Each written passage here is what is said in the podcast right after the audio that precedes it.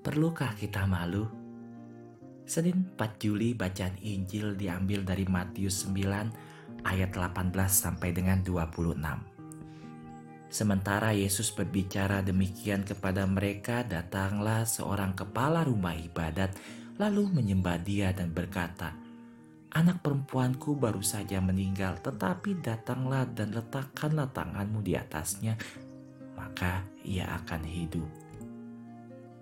Ketika Yesus tiba di rumah kepala rumah ibadat itu dan melihat peniup-peniup seruling dan orang-orang banyak ribut, berkatalah ia, "Pergilah, karena anak ini tidak mati, tetapi tidur."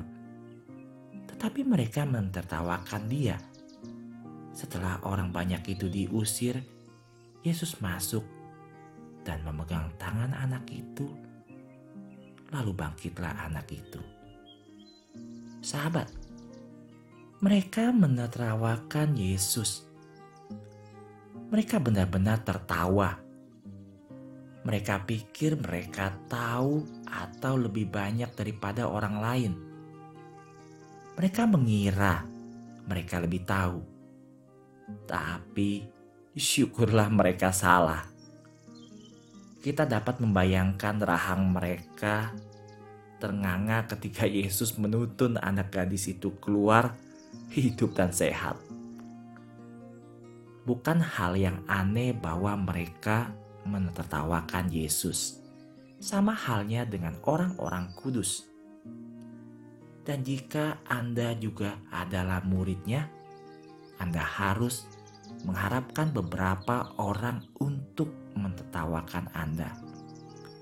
Tapi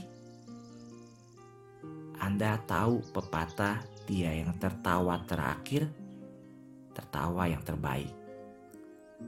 Mereka akan menertawakan kita, tetapi kita akan selamanya terus menertawakan.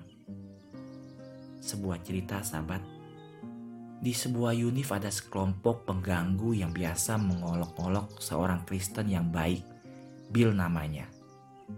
Mereka akan membuat komentar tentang dia bahwa dia adalah seorang sakristan atau seminarian yang menyamar.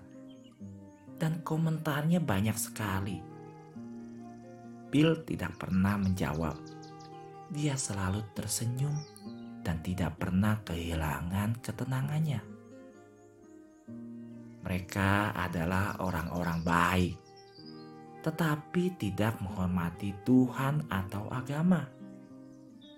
Suatu hari, ketika Bill masuk ke kelas, salah satu pengganggu berkata kepadanya dengan suara keras, "Kami akan mengadakan pesta pada hari Jumat.